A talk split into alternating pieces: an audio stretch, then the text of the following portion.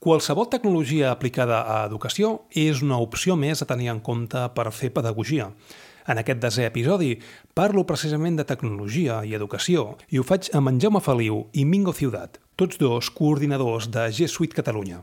Comentem sobre tecnologia educativa des de molts angles. Entrellacem tecnologia educativa del segle passat, de Moodle, de Joomla, d'aquells malatins d'eines i com de tastaulletes i professors picapedra érem els i les que començàvem a incorporar tecnologia dins d'educació a finals del segle passat. Jaume i Mingo formen part de G Suite Catalunya i, evidentment, comentem quins són els orígens d'aquest grup de professors i professores inquiets i inquietes i que, encara que hi hagi tecnologies pel mig, eh, com aquesta pedagogia s'imposa per sobre de l'elecció de la tecnologia. Parlem també de com és ara la tecnologia educativa, dels dispositius que tenim disponibles, de solucions, de tecnologies diferents, de llibertat tecnològica i sobretot com és de necessària una persona especialista TIC o almenys que hi hagi alguna persona o equip que es dediqui a gestionar tot aquest entramat tecnològic. De tot això i més, en parlem amb en Jaume i Mingo de G Suite Catalunya.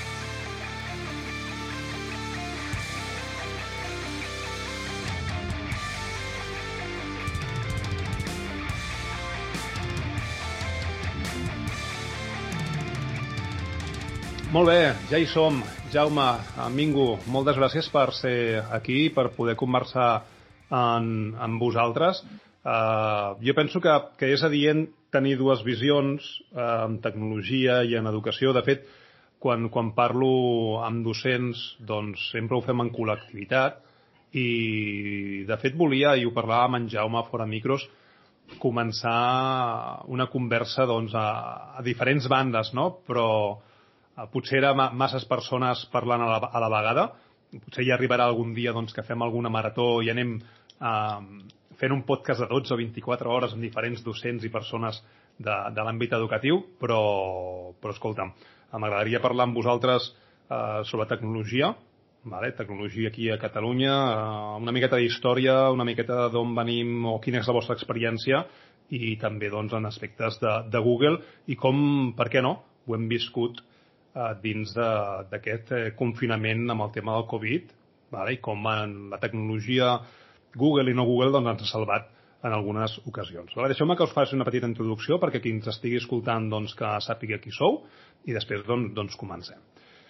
Jaume, eh, Jaume Feliu doncs, és enginyer de telecomunicacions, ara mateix és cap d'estudis de, del centre, és un centre públic i professor de tercer i quart de l'ESO. És coordinador de G Suite Catalunya, i a més a més forma part també doncs, d'aquest GEC Spain, aquest grup d'educadors de Google d'Espanya, de, eh, amb la qual cosa doncs, està tocant aspectes de Google a dues bandes i el Jaume doncs, el coneixem moltíssim per el, el Corrubrics i tots aquests eh, complements que, que s'afegeixen al G Suite i que d'alguna forma amplien funcionalitats i sembla ser doncs, que està donant molt de, molt de resultat. Després en parlem. Deixeu-me que us introdueixi vale? I, i som. En Mingo eh, també fa molt de temps que està en tema educatiu, va començar amb, amb nois discapacitats i ara doncs, és tutor de cicle superior i a més a més coordinador TAC de, del centre, del centre públic també i, i res, us he convidat per tenir una conversa distesa al final es tracta d'això i comentar comentar doncs, tecnologia Google, tecnologia no Google, tecnologia educativa i com està d'alguna forma amb la vostra visió transcendint eh, tot aquest aspecte tecnoeducatiu dins de Catalunya, perquè al final és l'àmbit que a nosaltres ens toca. Benvinguts i no sé si ja me vols començar tu dient alguna cosa sobre Corrubrics o, o sobre el, el, el que vulguis per introduir en relació a qui ets i, i, i com ets en aquest món educatiu, doncs endavant. Bon, primer de tot, agrair-te que ens, que ens convidis aquí a xerrar una estona. Fa temps que ens coneixem i per mi és un autèntic plaer estar aquí en aquest podcast. I una mica la, el que has presentat ja, ja és qui sóc, no? I m'agrada presentar-me com a professor i ja està.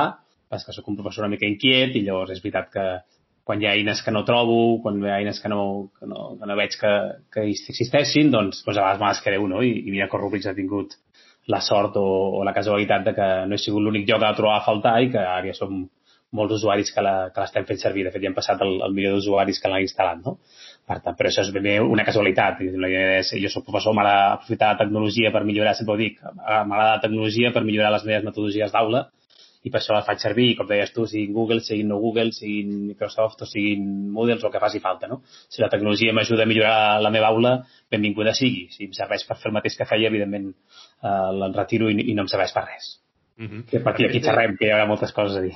Sí, de fet, eh, en el teu Tecnocentres, que és el teu blog, eh, allà doncs hi poses que has passat per Moodle, per Joomla, per diferents tecnologies. De fet, et suposo que han vingut també en el moment que, que als inicis de, de la tecnologia educativa on només hi havia Moodle, eh, Moodle i Joomla anaven agafats de la mà.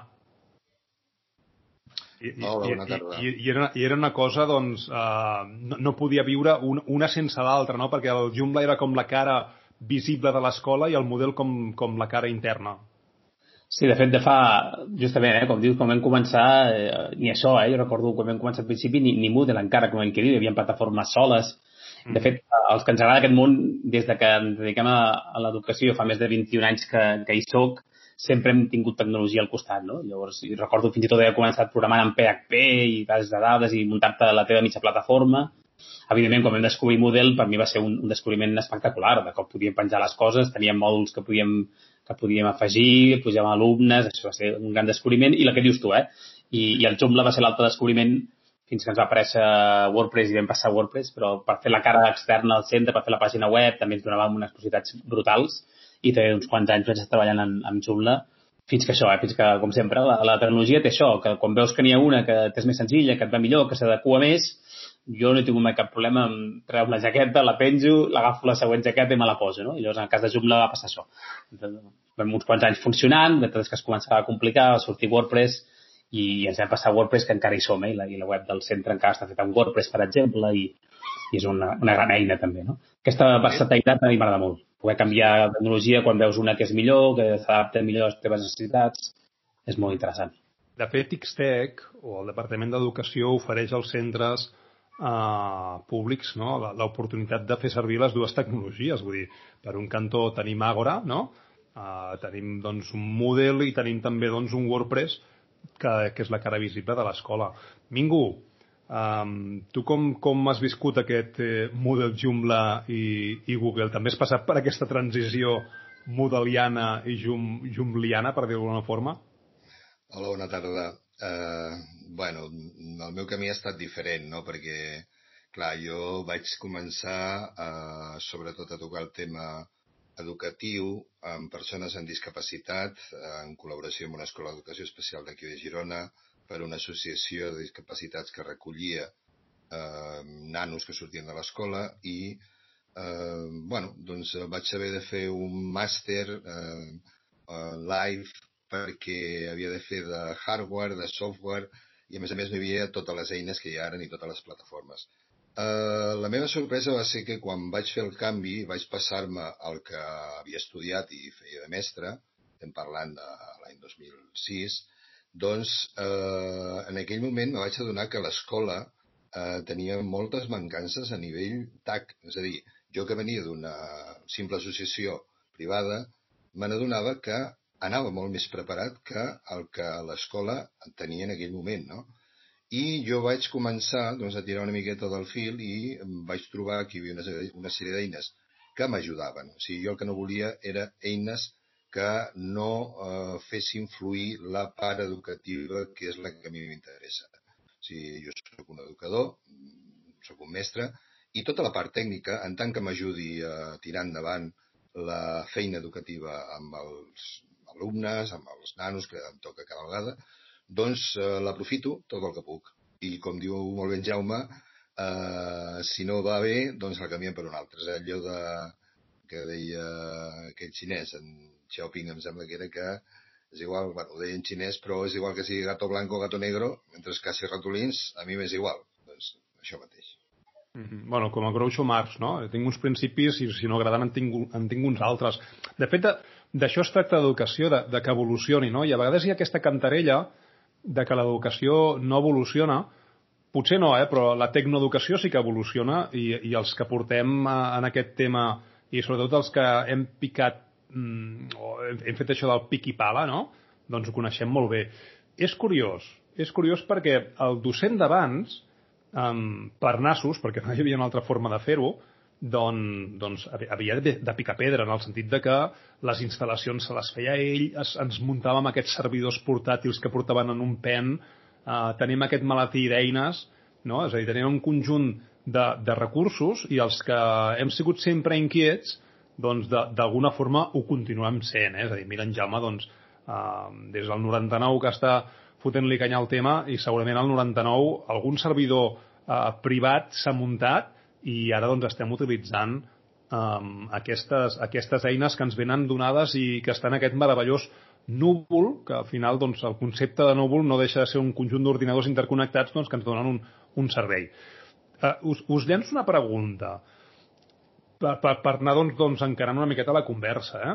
Um, clar, el, els docents que venim d'aquest moment prehistòric, no? perquè al final 10 anys o 20 anys en, en tecnoeducació doncs en són molts, ha, ha plogut moltíssim i, a, i el que encara li, li queda. Clar, a, abans obteníem unes competències que potser ens, ens fa ser més crítics davant de certa tecnologia que no pas aquells docents nouvinguts o que no han sigut tan testaulletes com nosaltres. No? Què en penseu? És a dir, la meva visió és que nosaltres som tres persones, com moltes que hi poden haver, docents, i que sabem què és eh, tocar la tecnologia per dins, eh, podem tenir una visió molt més concreta del que significa utilitzar una tecnologia i una altra, i em dóna la sensació que d'alguna manera som més crítics perquè sabem què és el que comporta, no? Almenys en, en qüestió d'implementació, planificació i de quant temps porta adaptar-se a una eina, això ho tenim claríssim. Totalment d'acord, totalment d'acord, és veritat, eh? A vegades diu, oh, canviem d'eina, canviem i ja està, fem... I, I el que saps que hi ha darrere, com que portarà, quin pla de formació has de crear, quina implantació de, de transports de dades d'un cantó a l'altre, això et fa ser molt crític i et fa pensar molt les coses. I et fa pensar molt les coses. Deia el, el gato blanc o el gato negro al, al Mingo que estic d'acord amb tu, però és veritat que abans de fer cap, cap canvi d'aquests nosaltres ho pensem molt, perquè sabem la feina que hi ha darrere. Simplement adaptar d'una cosa a una altra no és tan senzill com, com pot semblar. I ens hi hem passat moltes hores eh, picant codi, revisant coses, muntant servidors, com deies, això aquí hi ha hagut feina. Eh? També es fa ser més crítics amb, amb la mateixa eina, que a vegades hi ha eines que sembla que siguin una meravella, no? Diu, oh, tothom parla d'aquesta eina. I llavors tu quan te la mires, que tens ja un cert bagatge, també la rasques i dius, mira, jo la descarto perquè no, no convenç, no? Per tant, és veritat que aquest punt crític el tenim tant amb el, el canviar d'eines com no canviar d'eines, com analitzant una eina qualsevol, eh? Jo estic d'acord, no sé si el Mingo com ho veu igual.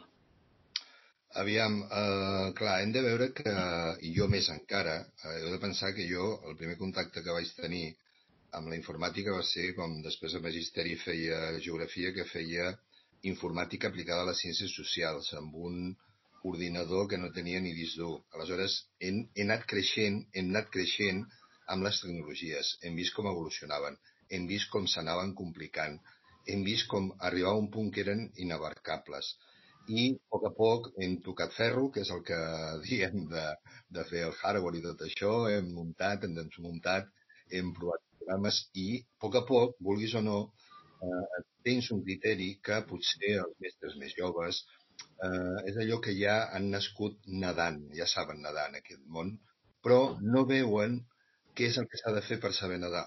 Aleshores, nosaltres sí que portem tot aquest camí fet, i tenim aquest esprit una miqueta més crític i potser eh, és una cosa que el que mirem és de fer les coses més senzilles. A nivell de primària, sobretot, el que abans era molt complexa perquè arribava un moment que el mestre estava atapeït de, de coses que no sabia per on tirar, doncs mm, nosaltres, els que ja tenim certa experiència, el que volem són coses que facilitin la feina, que siguin minimalistes a nivell educatiu i tècnic. La resta, l'important, és l'educació el dia a dia amb els nanos que tens allà al davant. No sé si m'explico bé. Sí, sí en, en aquest sentit, jo, jo estic molt d'acord amb el, amb el Mingo. Eh? Fixeu que nosaltres hem de triar eines i em sembla que un, els coordinadors TIC o TAC del centre és una de les seves funcions bàsiques per mi és justament això, assessorar els companys amb quina eina han de fer servir i com. Sap, quan començàvem, i com deies tu, eh, quan fèiem prehistòria, segurament la complexitat tècnica, com que nosaltres érem els que ho fèiem i nosaltres ja ens arremencàvem, no era una, un criteri important a, a seleccionar. En canvi, ara sí. Ara hi veus alguna eina que és magnífica, que és fantàstica, i tu com a més o menys expert TIC la domines i ja està, però automàticament et poses ràpidament empatits amb els teus companys i descartes eines per aquesta dificultat. No? Una de les coses que jo crec que ha progressat molt bé la tecnologia és hem de facilitar perquè l'usuari final, amb molta poca cosa i amb molta intuïció, sàpiga com funciona. No? I llavors, amb aquesta evolució, jo crec que les eines han millorat molt en aquest sentit. I això és un, un criteri fort que també tenim, eh?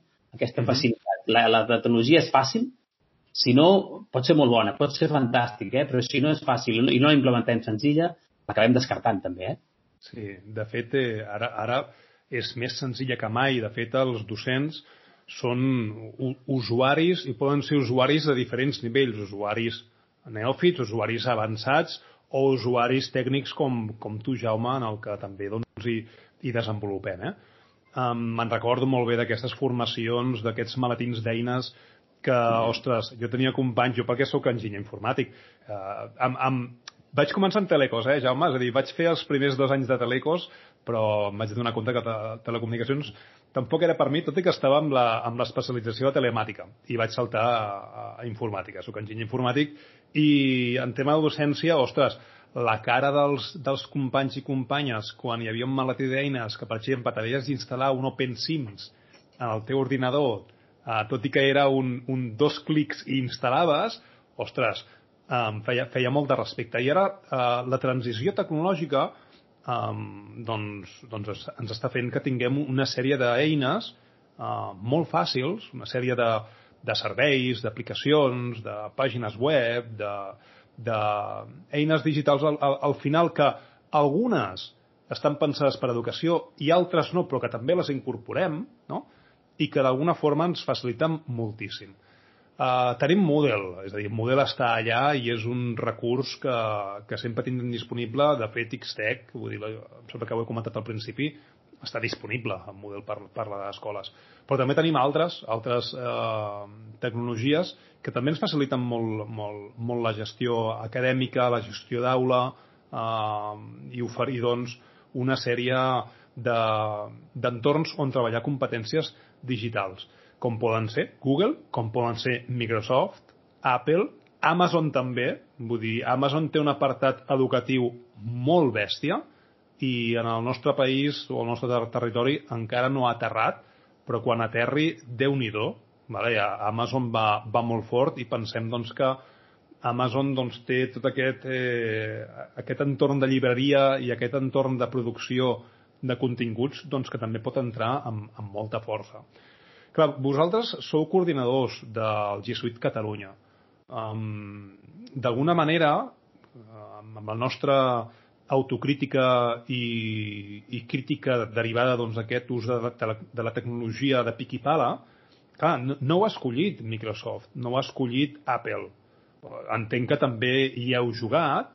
Um, com és que al final doncs, us decidiu i, i al final doncs, acabeu sent coordinador G Suite? Potser està bé que fem una miqueta de retrospectiva no? i explicar doncs, aquest moviment de coordinació G Suite com sorgeix no? I, i que, que se sàpiga doncs, una miqueta de, de, de, de, de per què existeix això i per què no Apple no? o per què no Google ai, per què no uh, Microsoft Sí, el G Suite surt de necessitat, simplement de necessitat. Eh? De fet, ens trobem gent que estem fent servir aquestes eines i, i de fet nosaltres sempre ho diem. G Suite Catalunya no té res a veure amb Google, eh, portem el nom de G Suite simplement perquè som centres i professors que hem decidit utilitzar aquestes eines. I, de fet, les hem decidit utilitzar independentment. De fet, quan, quan fem la primera trobada de G Suite, ja fa més de dos anys, eh, la fem justament perquè som centres que estem desperdigats per Catalunya, que tots estem fent servir aquestes eines, que tots tenim inquietuds semblants, que, evidentment, a través de la xarxa et vas coneixent i, home, doncs, si ens coneixem i tots estem fent això,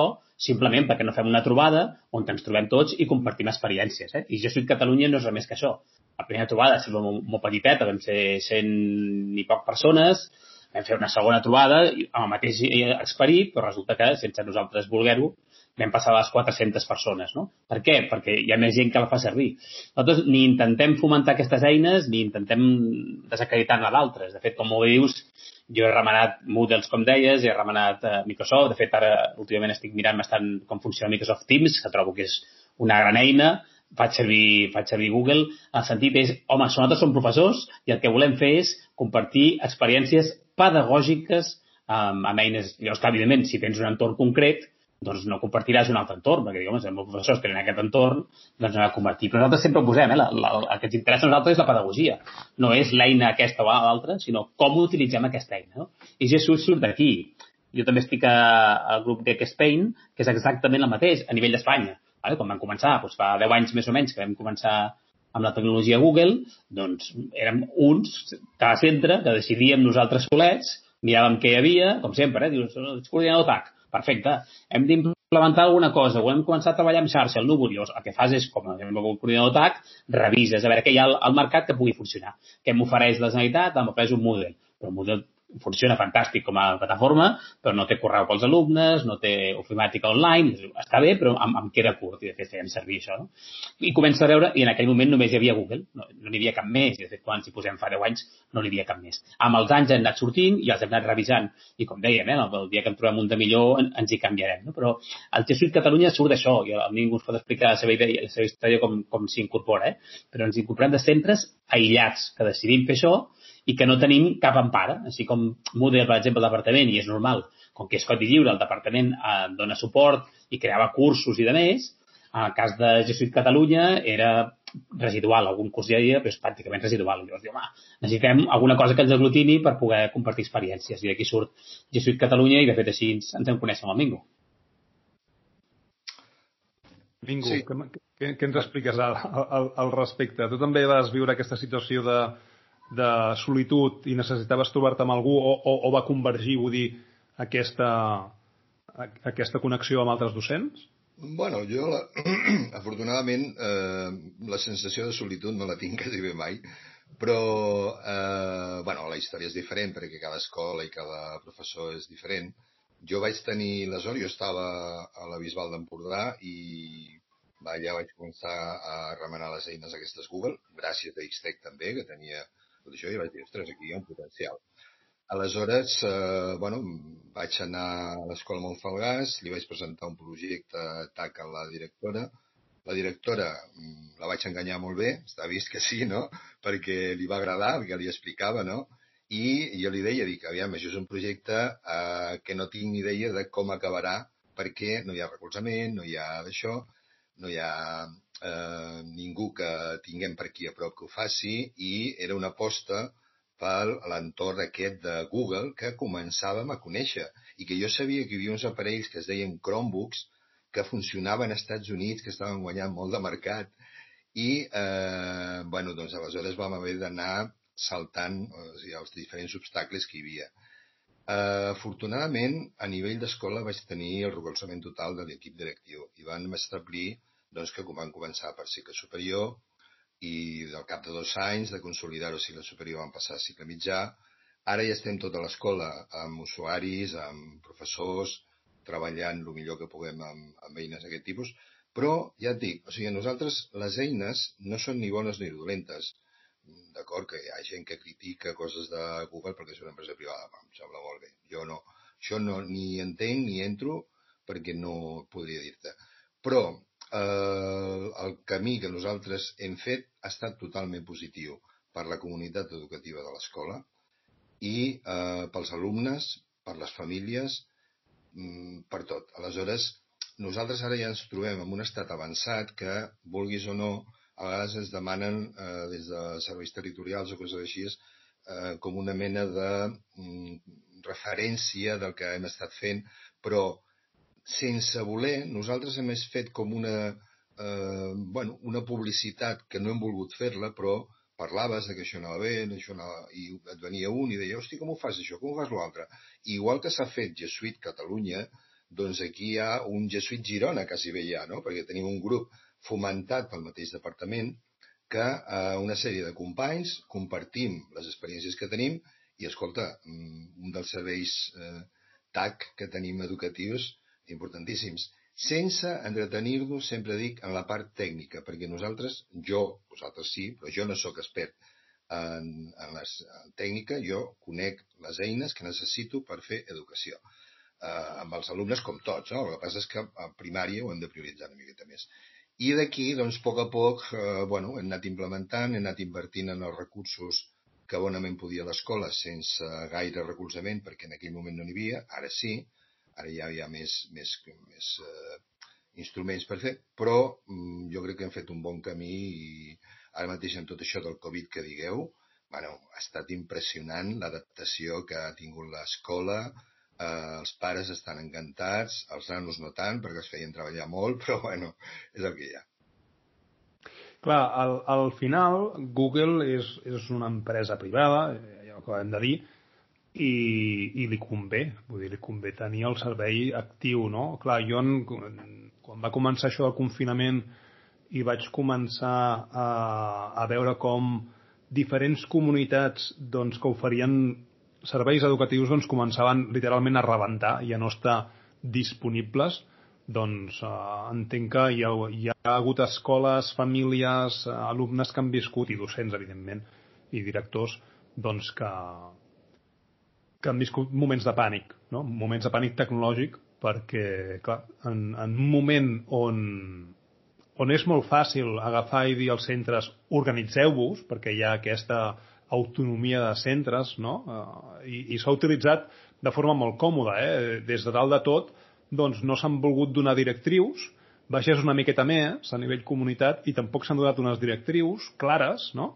I després, doncs, evidentment, a qui li toca, doncs, com sempre, estar al peu del canó són aquests centres i, per sort o per desgràcia, hi ha aquesta uh, autonomia de centre i al final, doncs, no hi ha hagut un lideratge clar que, que ho domini tot. I clar, en el moment que hi hagi una escola doncs, que estigui absolutament incomunicada, és a dir, que, que no tingui ni la plataforma educativa perquè el servei està caigut, eh, perquè, perquè hagi de prendre decisions amb qüestions de, de, de temps de 24 hores, doncs entenc que s'hagin pogut viure moments de pànic.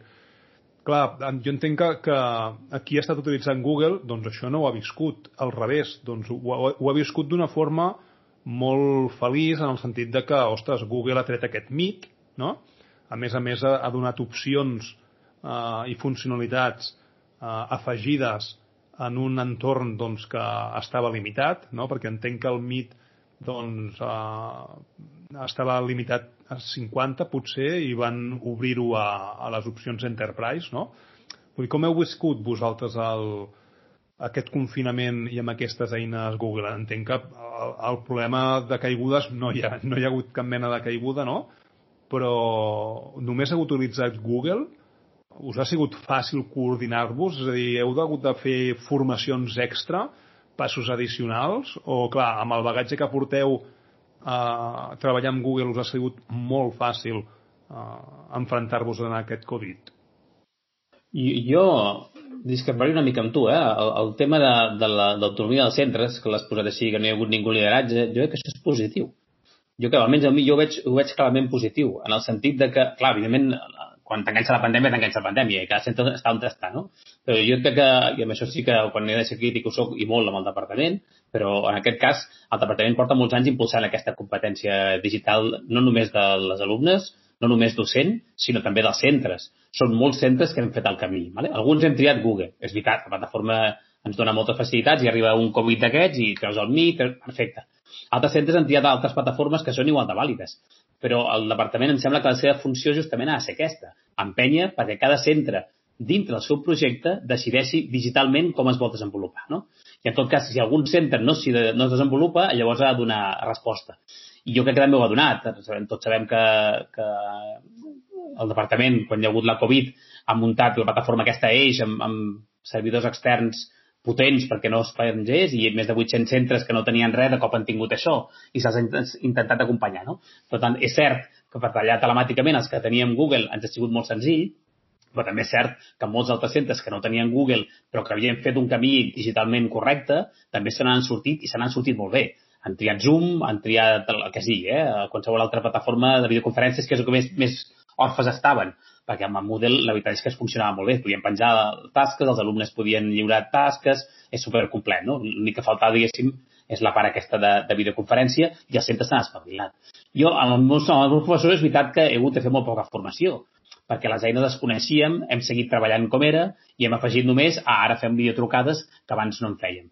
Però insisteixo que hi ha molts centres que han fet, que han fet exactament això. No? A aquesta autonomia de centre eh, jo la defensaré sempre. Això de que jo pugui decidir quina eina és la que jo considero que és millor, evidentment, sempre que compleixi el reglament de protecció de dades. Eh? Hem de tenir les dades assegurades i que no podem fer vendre les dades a qualsevol.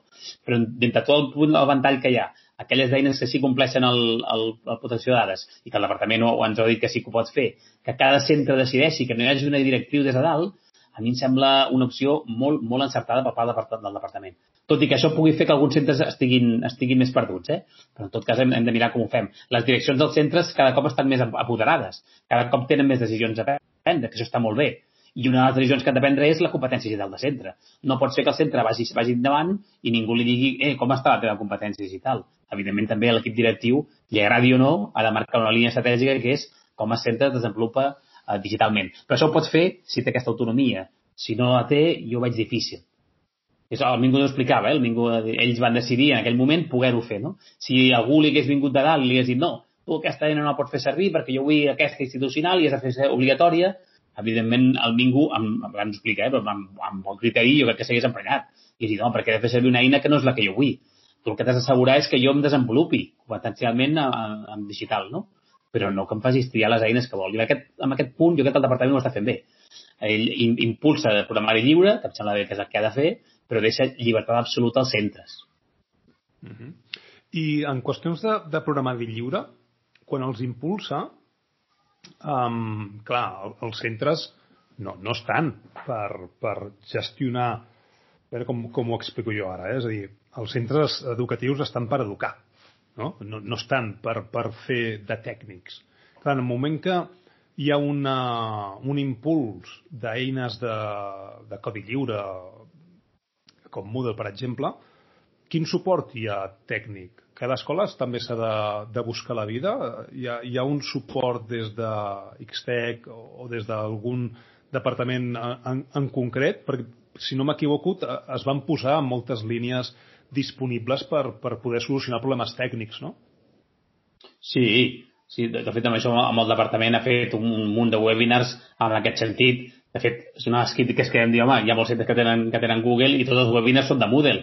També podem donar suport als altres, no? Però en aquest sentit sí que hi ha hagut un munt de webinars per donar suport a centres de formació en, en, quant, en quant a Moodle, no? Però jo, jo insisteixo en la línia aquesta estratègica, eh? És veritat que nosaltres fem educació, i això és cert, però, però la, la part digital també l'hem d'educar. Llavors, una de les coses que tenim als centres públics és aquesta possibilitat de confeccionar perfils i un dels perfils que hi ha és un perfil TIC. Per tant, al centre, tot i que fem, evidentment, nosaltres fem educació, algun especialista TIC hem de tenir. Hem de tenir gent que es formi TIC i que sàpiga com funciona. I, evidentment, com que és mestre, fa l'apartat. Llavors, no, no és que només faig el catxarro, instal·lo no sé què, sinó que, a més a més, hi, hi, hi aplico la, la metodologia que és el que m'interessa, no? Però jo no, no puc entendre un centre que es despreocupi d'aquesta part, de part, de part digital i que digui, bueno, però al centre ja el departament ja m'explicarà fer ja em farà. Jo crec que no, una part estratègica ha de ser aquesta, igual que podem fer una part estratègica quan treballem. Doncs mira, ara volem treballar educació emocional i buscarem algun especialista que ens ajudi. O ara volem treballar qualsevol altra part, no? O volem fomentar l'esport, o volem fer plurilingües, no? No, és que al centre els profes no saben anglès, no podem treballar plurilingüe. Home, si el teu centre considera que un pla bàsic és el, el plurilingüisme i que l'anglès ha de ser present, doncs el centre ha de buscar aquest departament, que el departament l'acompanyarà segur, però el centre ha d'impulsar això, no? Per tant, a mi, a mi aquesta sensació de que ho han de venir fet no m'agrada. Els centres han de buscar un perfil TIC i han d'empoderar de, aquest perfil TIC perquè et pugui empènyer en aquesta direcció, no? I, i a mi em sembla que s'ha fet bé. No sé ningú quina experiència en té, eh? Aviam, eh, ha estat un moment complicat perquè eh, Eh, les escoles que com les que ja teníem una estructura muntada, la veritat és que nosaltres, per exemple, hem hagut d'anar amb el fre de mà posat, perquè podíem haver fet molt més del que hem fet. El que passa és que les directrius que ens donaven, bé, bé, no tireu, en... o sigui, aneu perquè el més important és que eh, colliu els nanos, tal. Bueno, nosaltres podíem haver fet molt més. Però estic completament d'acord amb, amb tu, eh, Jaume, que el més important és que els centres tinguin llibertat d'elecció, perquè això és el que garanteix que eh, les mateixes eines, si li vols dir d'aquesta manera, es vagin cribant i vagin la, el, la, el col·lectiu d'educadors de tot Catalunya doncs vagi triant aquelles que més eh, els hi convé per realitzar la tasca educativa, que és el que en realitat importa.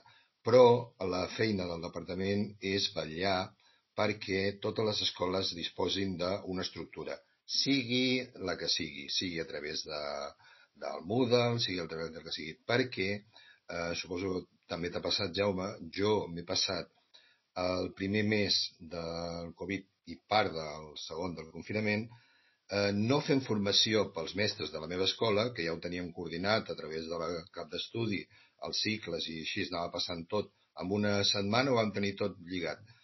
Jo m'he passat hores i hores eh, fent eh, mits amb gent d'altres centres per explicar coses que volien fer i que jo els hi deia, això que voleu fer ara no, no és bo que ho feu ara, heu de buscar una eina alternativa que eh, una estructura diferent per funcionar, perquè no sabeu fer com anar. Això no s'agafa eh, en una setmana, en un mes de practicar i, sobretot, acostumar les famílies, acostumar els alumnes. Aleshores, eh, bueno, el que diguem, la llibertat d'elecció és fonamental i les escoles que estan ben preparades eh, ens hem salvat millor de tot això, encara que podíem haver fet més, i les escoles que no s'han espavilat moltíssim, però clar, hem de vetllar perquè la propera vegada que passi una cosa d'aquesta, si passa, que esperem que no, doncs tothom estigui més preparat perquè la feina educativa continuï. A mi m'ha fet, fet gràcia una, una de les coses que hem, hem de, que parlem de Google, eh, perquè nosaltres som centres Google en aquest sentit, però és veritat que les eines n'hi ha moltes més.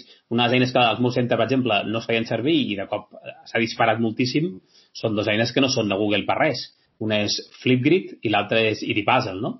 dos eines que per treballar a distància va superbé. Flipgrid et, et permet que l'alumne es gravi amb un vídeo fàcilment donant resposta a alguna, a alguna cosa que li has fet. No? Li fas una pregunta i es posa davant de la càmera i amb un clic ja s'està gravant i això ho comparteix ràpidament. No? Clar, això aquests dies ens ha anat fantàstic, aquesta eina, que és una eina de Microsoft, Flipgrid, i l'altra és Edipuzzle, no? on el nano mira un vídeo i a la meitat una mica el complement que tenies tu, Dani, fet, eh, que anava igual, no? Sí un vídeo a YouTube i de cop apareix una pregunta i, i contestes, no? Clar, això, aquestes són eines que habitualment no es feien servir al centre. Val? L'IDPASL encara alguna vegada sí i Flipgrid puntual, però puntualment, no era de forma massiva, no? I llavors, cap problema. Llavors, hem, hem vist que això anava bé pel centre i les hem afegit, siguin o no siguin de Google. Per tant, al moment que el centre té aquesta competència digital, jo crec que és important que es fomenti, en, en segons la situació, detectem quina és l'eina que ens va millor en aquell moment i fer la formació online és molt senzill, perquè el professor ja té aquesta competència digital amb l'eina que sigui. Llavors, afegir-la és una cosa que per mi és molt, és molt fàcil. No? Per tant, l'important és aquesta. Eh? Per mi, el,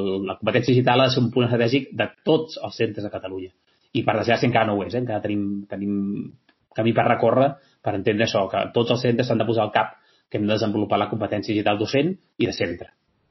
Sí, i el, el, potser és que aquesta competència digital docent té moltes branques i molta especialització i potser aquest és un, és un punt doncs, que cal, cal aprofundir, no? perquè al final, um, en tema de reglament de, general de protecció de dades, el centre ha de tenir un, un delegat de protecció de dades.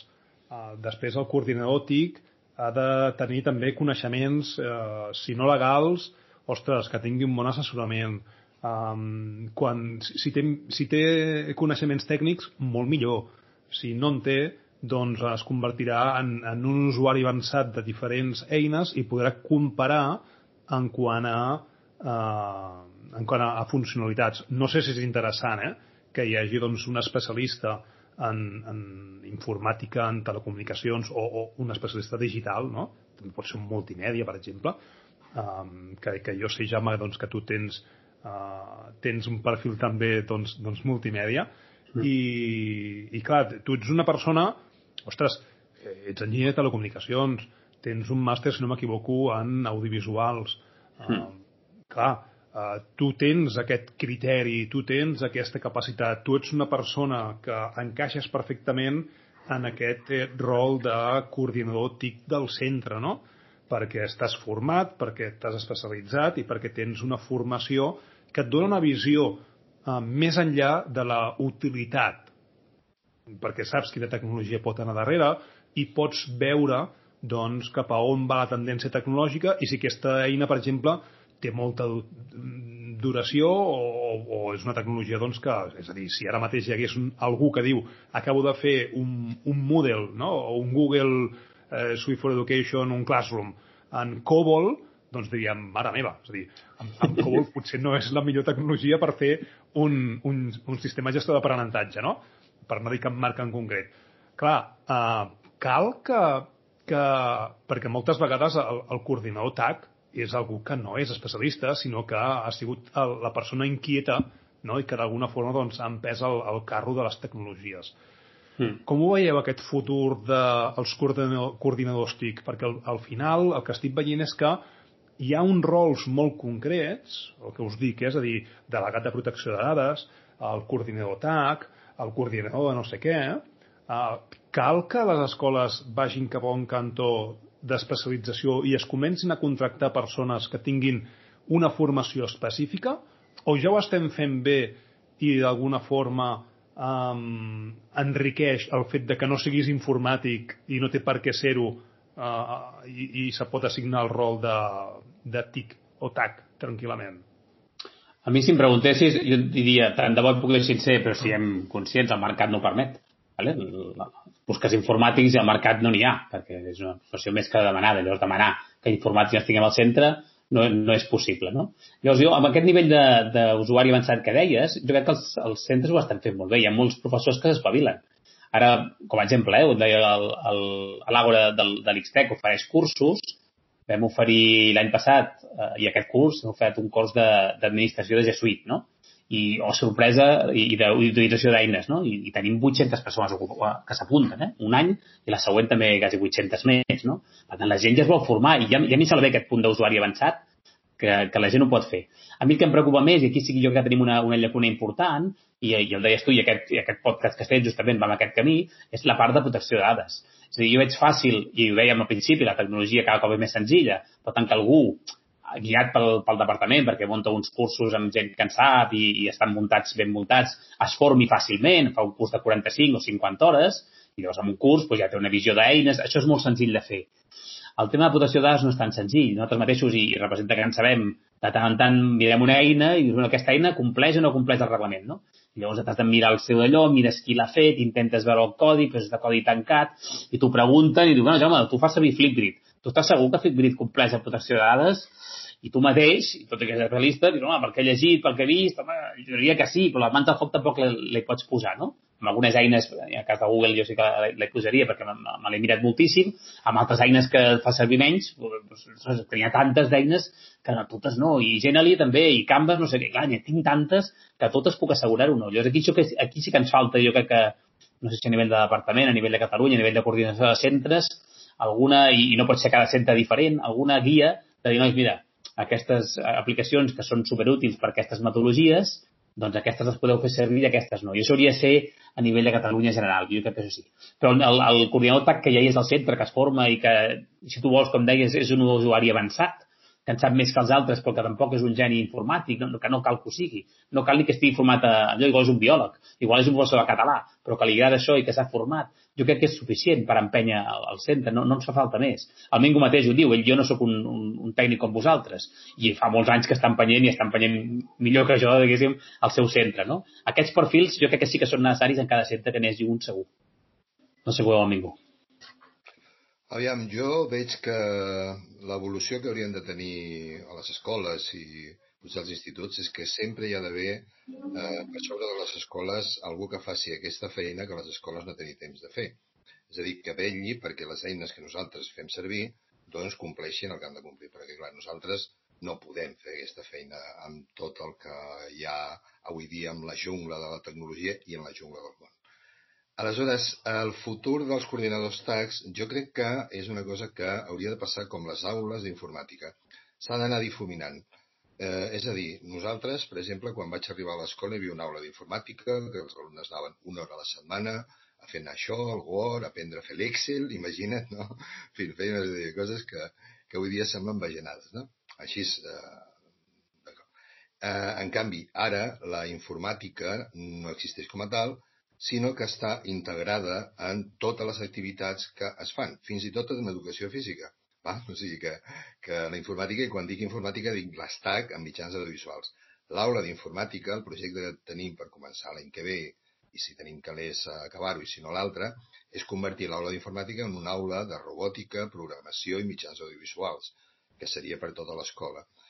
Aleshores, el coordinador TAC ha d'existir, de, eh, ha d'existir, però ha d'existir per motivar eh, a la resta de comunitat educativa, sobretot professors, que són el motor de l'educació, eh, per recolzar-los, per estar allà, per buscar aquelles eines, però tampoc pot, pot ser, i mai millor dit, un coordinador TAC ficat al núvol, que només sigui coordinador TAC. Jo crec que el coordinador TAC ha de tocar de peus a terra i ha de, igual que crec que el director ha de fer classes i que el cap d'estudis ha de fer classes, com fa en Jaume, i així és quan estàs fent classes que veus si les coses funcionen o no funcionen. Entens?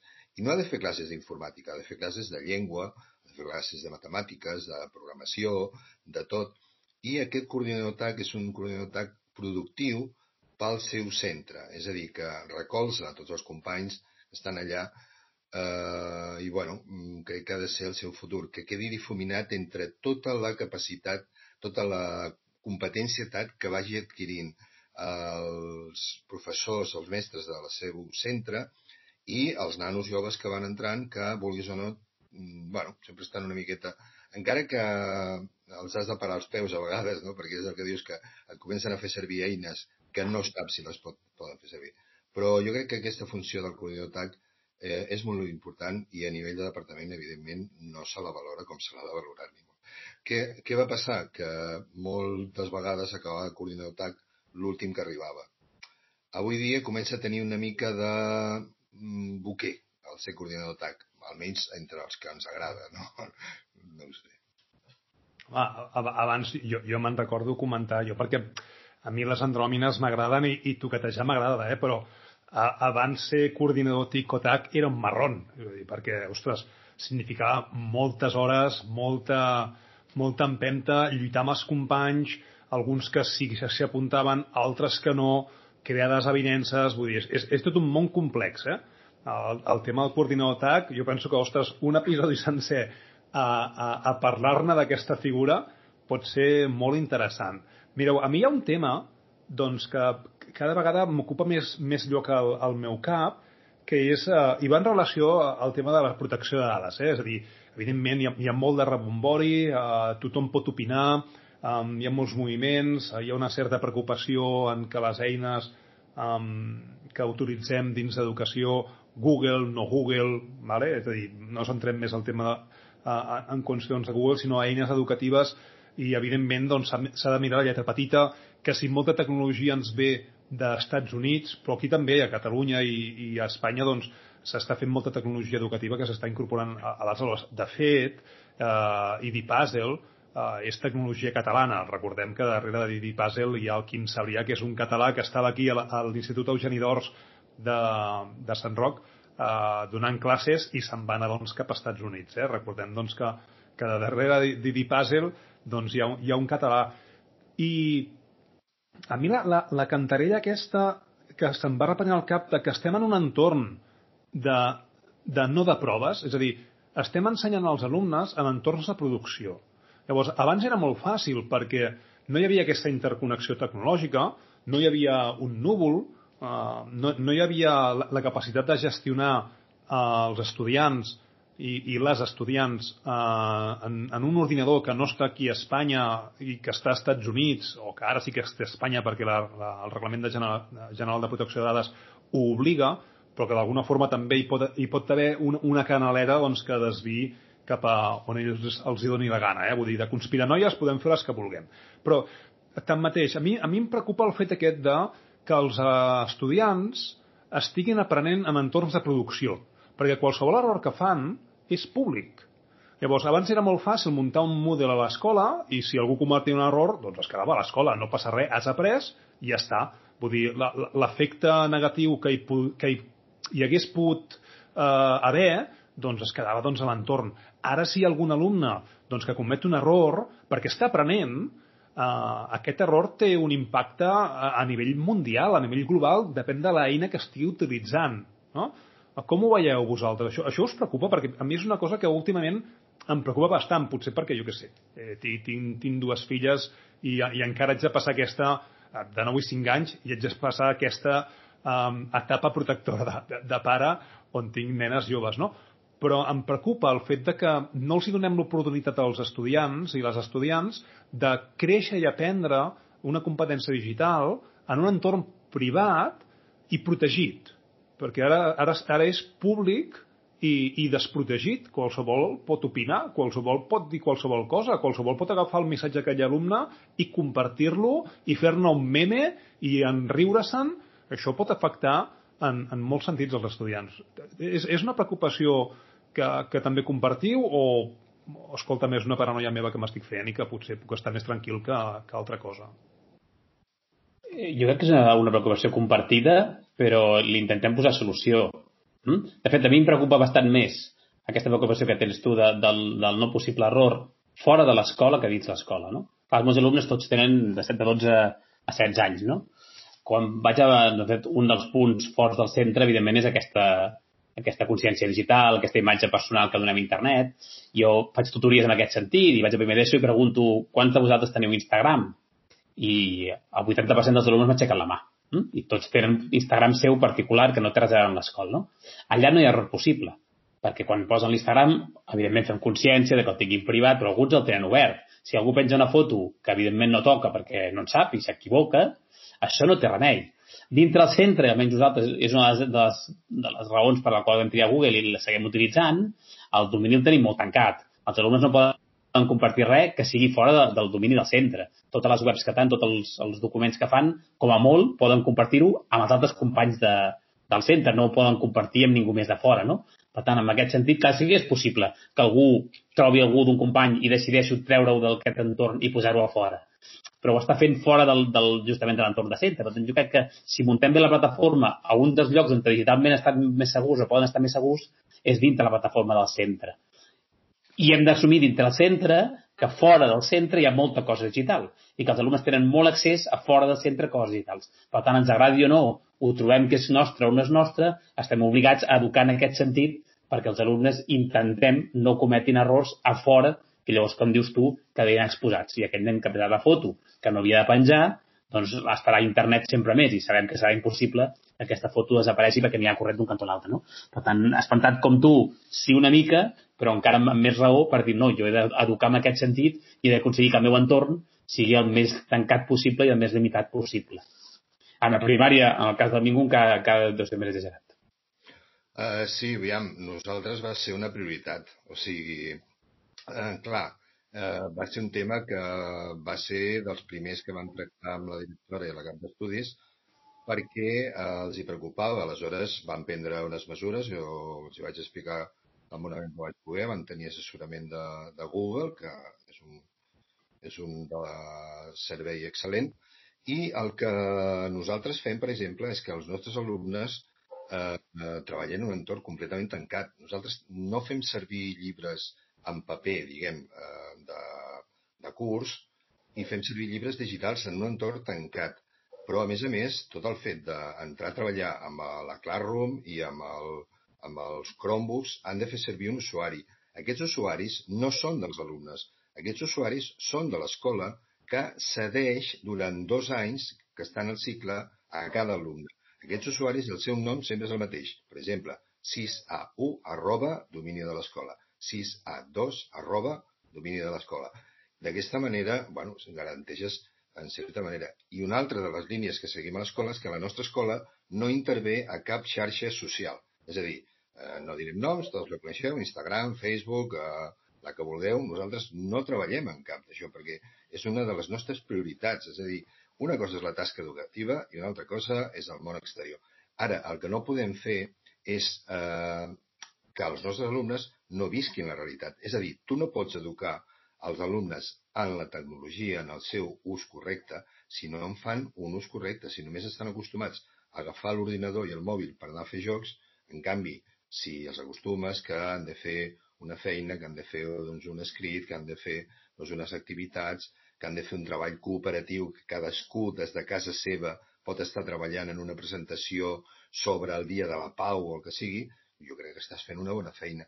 En un entorn completament tancat i segur. Si entres a la pàgina web de la nostra escola veuràs que per accedir a qualsevol dels apartats on hi ha alumnes has de posar una contrasenya. Per nosaltres és prioritari. Mm -hmm. Clar, i, i per accedir a tots aquests serveis cal un dispositiu. Um, és igual, al final, el, el dispositiu que, que utilitzem, perquè amb un navegador avui dia ho fas tot. De fet, comentaves ningú uh, uh, els primers Chromebooks que hi havia per aquí. Un Chromebook al final és, és un ordinador els, els inicials, eh? ara potser doncs, hi pots instal·lar aplicacions mòbils i pots fer moltes coses, no? però bàsicament l'ús de serveis ho fas a través d'un navegador. Clar, um, suposo que, que és fàcil no? um, treballar amb, amb una marca en concret perquè la gestió és molt, és molt, molt més simplificada perquè les mateixes eines de la plataforma uh, connecten amb els seus dispositius, etc etc. Però hi ha un moviment que es diu Bring Your Own Device, és a dir, porta el teu propi dispositiu, no? I, i no sé si vosaltres ho apliqueu en els vostres centres, però hi ha centres que ho fan. Uh, potser no ho fan tant a, a edats primerenques com les teves, a Mingo, però sí que a quart de l'ESO a, o a batxillerat els alumnes ja, ja comencen a portar els seus dispositius. Eh, tu fas així, Jaume? No. En el sentit, sí, no. en el sentit que que primària doncs, és més... bueno, clar, potser el teu centre doncs, no, no, no hi ha primària, no? però uh, el Mingo deu ser que tots van amb Chromebooks o amb un dispositiu molt concret i en no. canvi a, a etapa secundària cap amunt... No, no, jo t'explico. Uh, perdona, uh, per opcions. Uh, nosaltres, uh, el fet de triar aquest dispositiu vale, uh, ha estat una qüestió pràctica i econòmica. Uh, què ens passava? Que teníem una sèrie de portàtils uh, per fer nosaltres el que volíem era que els, la informàtica fos facilitadora de la, de la tasca educativa, no entorpidora. Eh, que ens basava que si volíem obrir un dispositiu que trigava 10 minuts a obrir-se, que es anava actualitzant, és a dir, hem trobat una sèrie d'avantatges, però aquests dispositius són de l'escola. Un dels avantatges de l'eina de Jesuit for Education que nosaltres fem servir és que és multidispositiu. Tu pots fer-ho servir amb el Chromebook, ho pots fer servir amb un portàtil amb Windows, amb Windows 7, amb Windows XP, encara hi ha opcions per fer-ho servir, amb Windows 10, eh, pots fer servir amb un dispositiu Apple, simplement has de tenir un navegador, la, el coneixement necessari per fer-ho, i va ser també un dels puntals per dir eh, un alumne que té una tablet amb Android a casa seva, pot treballar.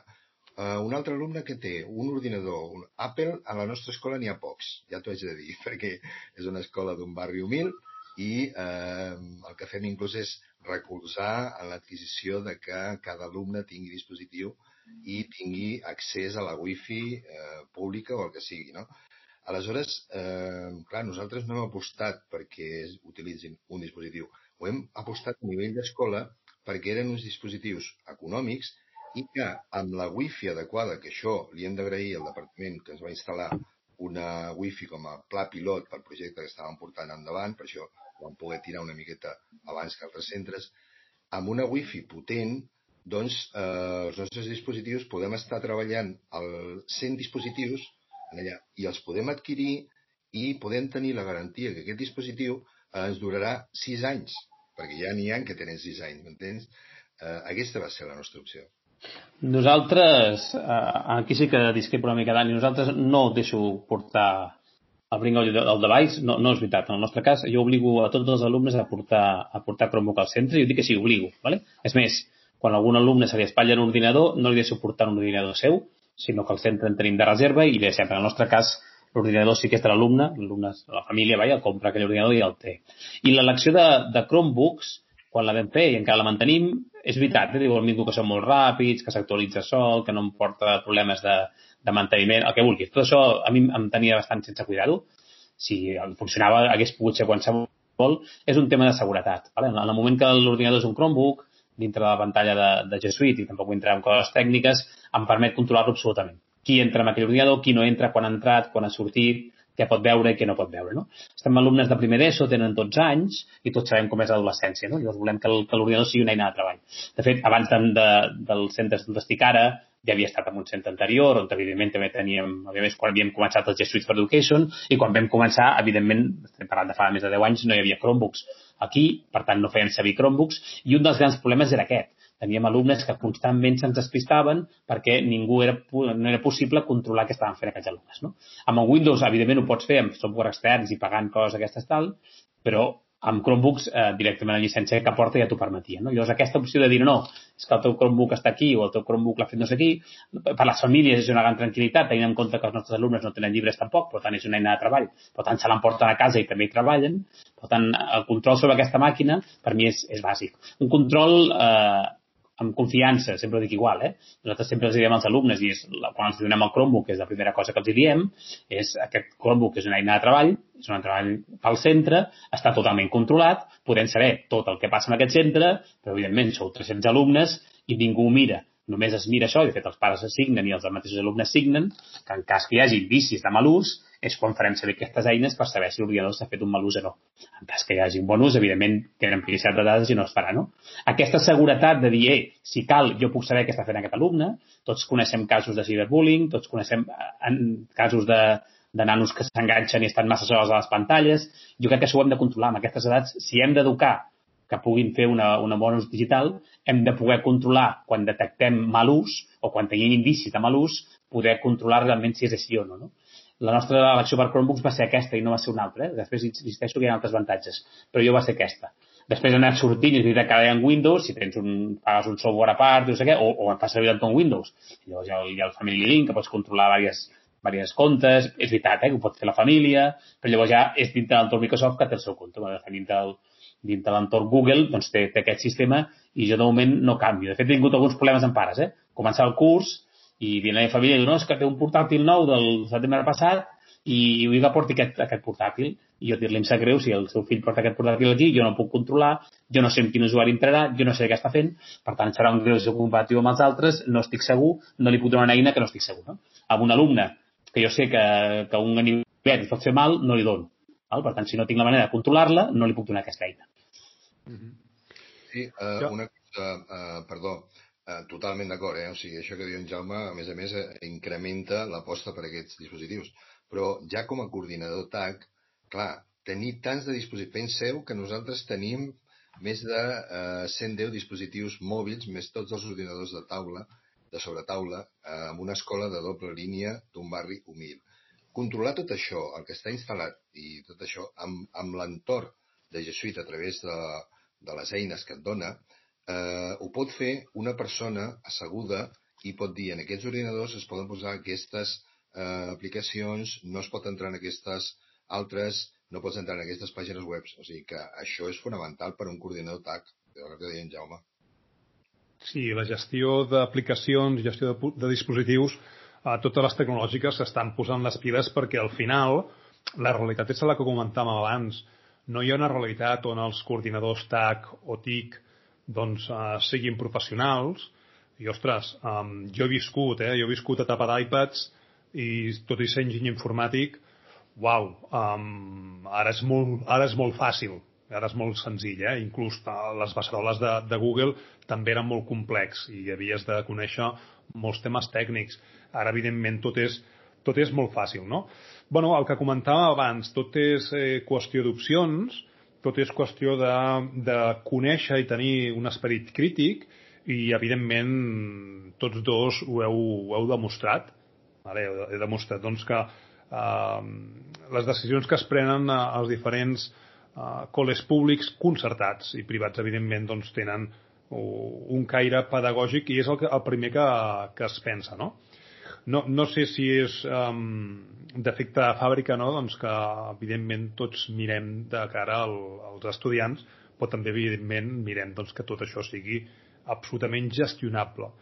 I si a sobre d'Xtec doncs, tenim uns ajuts, ja siguin econòmics en format pilot i ja siguin doncs, en formacions, doncs benvingut sigui. Eh? És a dir, a vegades, i, i, i com a últim punt a comentar, ara doncs s'està dient des del govern doncs, que hi haurà una sèrie d'ajuts, no? I aquests tipus d'ajuts sempre hi ha una certa crítica, no? Perquè, mira, ja està els diners que utilitzarem per comprar dispositius. Però a vegades eh, hi ha situacions complexes, no? I si bé és cert que la compra de dispositius no ho soluciona tot, si tens un bon projecte pedagògic, és un bon inici que et donin aquests dispositius i que els puguis fer arribar. Justament, Mingo, jo entenc doncs, que, que tu, tu, tu hi estaràs, eh, si m'equivoco, eh, potser, eh, en, en certa manera, d'acord que hi hagin aquestes partides econòmiques per comprar dispositius o per preparar les aules, perquè al final eh, sembla ser que estiguem eh, en aquest segle XXI tots interconnectats, però hi ha moltes realitats i entenc que amb ningú la teva és una realitat complexa i un ajut d'aquest tipus benvinguda sigui si hi ha un projecte pedagògic darrere. Aviam, eh, sí, però eh, al tanto, perquè eh, podem, podem caure amb una trampa, que molts mestres, quan van començar la, mestres de l'escola, eh, la digitalització, tenien pocs dispositius, no?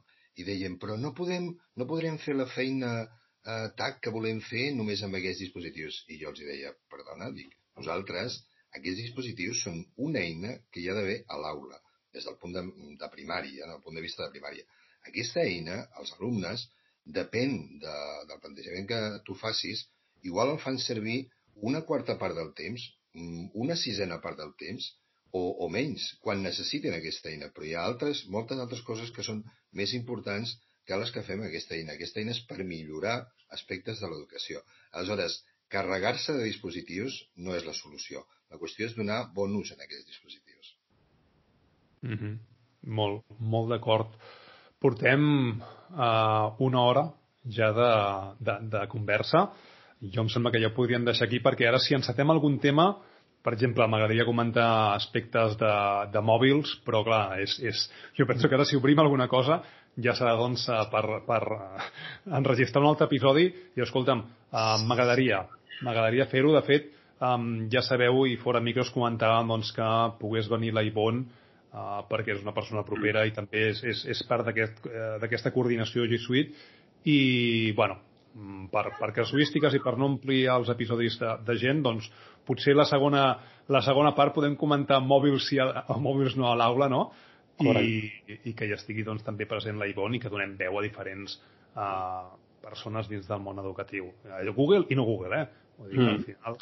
A mi, Dani, si, em deixes un, un, un minut, eh? No vull, sí, sí, sí, no vull entrar un tema. Ara que vull és que tanquem amb la vostra ah, aportació final. Abans, abans, abans de la votació final, deixem un minut uh, per, per, per, també perquè sembla que no siguem crítics, ho hem sigut, eh, però uh, sembla que Google ens agradi i, i tot són lluances. I en tot cas, i només ho apunto i ja està, no cal, no cal parlar-ne, eh, però que en tot cas a nosaltres també ens neguiteja uh, aquest monopoli que acaba fent Google amb les escoles que hi som, ens agrada, funciona, estem encantats de la vida, però també és veritat que quan totes les escoles acaben triant o totes van cap a la mateixa cosa, a nosaltres també ens preocupa molt. I si tot Catalunya, totes les escoles fem servir, fem servir Google, eh, jo segurament seré el primer en dir, nois, hem de sortir d'aquí perquè no pot ser que tota la nostra població estigui enganxada amb unes eines concretes d'un fabricant concret. Vull dir que té bondats, però aquests perills que no han sortit en la conversa, jo crec que és important que sapiguem que nosaltres els veiem, en som crítics i en som molt conscients també de tots aquests perills. Eh? Mm -hmm. S'agraeix, Jaume, eh? perquè a vegades si no hi ha veus dins de la comunitat educativa que públicament es diguin aquestes coses, cadascú es fa la seva opinió i quan s'opinionitza sobre un tema uh, ostres, arribem a, a, a estats que no agraden. Per tant, t'agraeixo que facis, facis aquest apunt. Doncs, uh, nois, deixeu-me que us digui nois, eh? tot i que tenim, mm. tenim una, una edat, um, bueno, una edat, estem a la flor de la vida, eh? Uh, portem una horeta, uh, donem peu a tenir una altra trobada vale? i parlar doncs, d'altres doncs, cosetes. Us deixo doncs, uh, que digueu la vostra, va, um, com us sentiu, com ho veieu, quin és el futur, qualsevol cosa que us vingui de gust dir ara i, i ho deixem per una propera ocasió. Bueno, començo jo i així li deixo a en Jaume que certifiqui. a veure, eh, jo eh, estic aquí com a representant d'un col·lectiu de mestres d'escoles de primària que eh, en el seu moment doncs, eh, hem anat apostant per unes eines perquè nosaltres, evidentment, eh, no ens paguen de cap empresa ni, ni, ni res, simplement eh, mirem d'agafar les eines, igual, igual que mirem de triar la millor tutorial, la, igual que mirem de triar el millor compàs, igual que adaptat al col·lectiu que ens ha tocat eh, gestionar educativament, doncs mirem de fer el mateix amb les eines eh, tecnològiques. Si algú ha de dir alguna cosa d'aquestes eines, que siguin instàncies superiors que en sabran més que nosaltres. Nosaltres el que sabem és estar al dia a dia amb aquestes eines, amb els alumnes i, eh, bueno, gestionar-les el millor que puguem. jo crec que tenim un molt de futur, però també eh, m'agrada que hi hagi diversitat.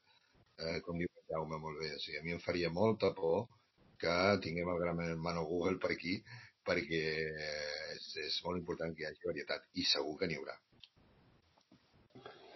Res, jo poca, poca cosa a afegir més. Eh? Nosaltres som un col·lectiu de professors que sempre ho diem, eh? el que volem és col·laborar amb altres professors, poder, sobretot, compartir experiències pedagògiques, eh, compartir metodologies i aquesta és la nostra raó de ser. Estem a les xarxes justament per ajudar-nos entre nosaltres i mentre no pugui ser, és que estem molt contents amb, amb aquest confinament fent moltes coses i les perspectives que són a partir de setembre on no està clar que, que tot sigui presencial, sembla que en principi ha de ser tot presencial, però és possible que ens haguem de confinar en alguns moments, jo crec que se'ns haurà una perspectiva jo crec que superinteressant per seguir acompanyant centres, que és el que ens agrada fer. Són propers d'aules que si podem ajudar-nos entre nosaltres i seguir acompanyant centres amb aquest creixement, doncs estem encantats de la vida, no? I, i res més. Fantàstic. Home, et diuen que a l'octubre hi haurà un altre repunt, no? Si ens afecta l'educació, ja, ja ens tornem a, a seure i, i, i fem retrospectiva a veure si cometem els mateixos errors o en realitat hem sapigut doncs, sortir-nos-en uh, millor que, que ara, eh? que jo penso que ho estem fent prou bé, tot i que hi ha una situació molt complexa. Jaume, Mingo, moltes gràcies pel vostre temps. Portem una horeta, vale? um, us dono peu i us convido doncs, a tenir una altra trobada. Uh, en l'episodi porto massa, massa estona parlant d'educació, de, potser perquè el tema uh, ara toca fer-ho, vale? però, però escolta'm, potser faig un descans i més endavant doncs, ens trobem i comentem altres aspectes que educació és, és molt ampli, hi ha moltes preocupacions i moltes coses que, que en podem parlar. Moltes gràcies. Un plaer, encantat, la vida està aquí. Molt bé, bona tarda. Molt bé, ningú Jaume, una propera.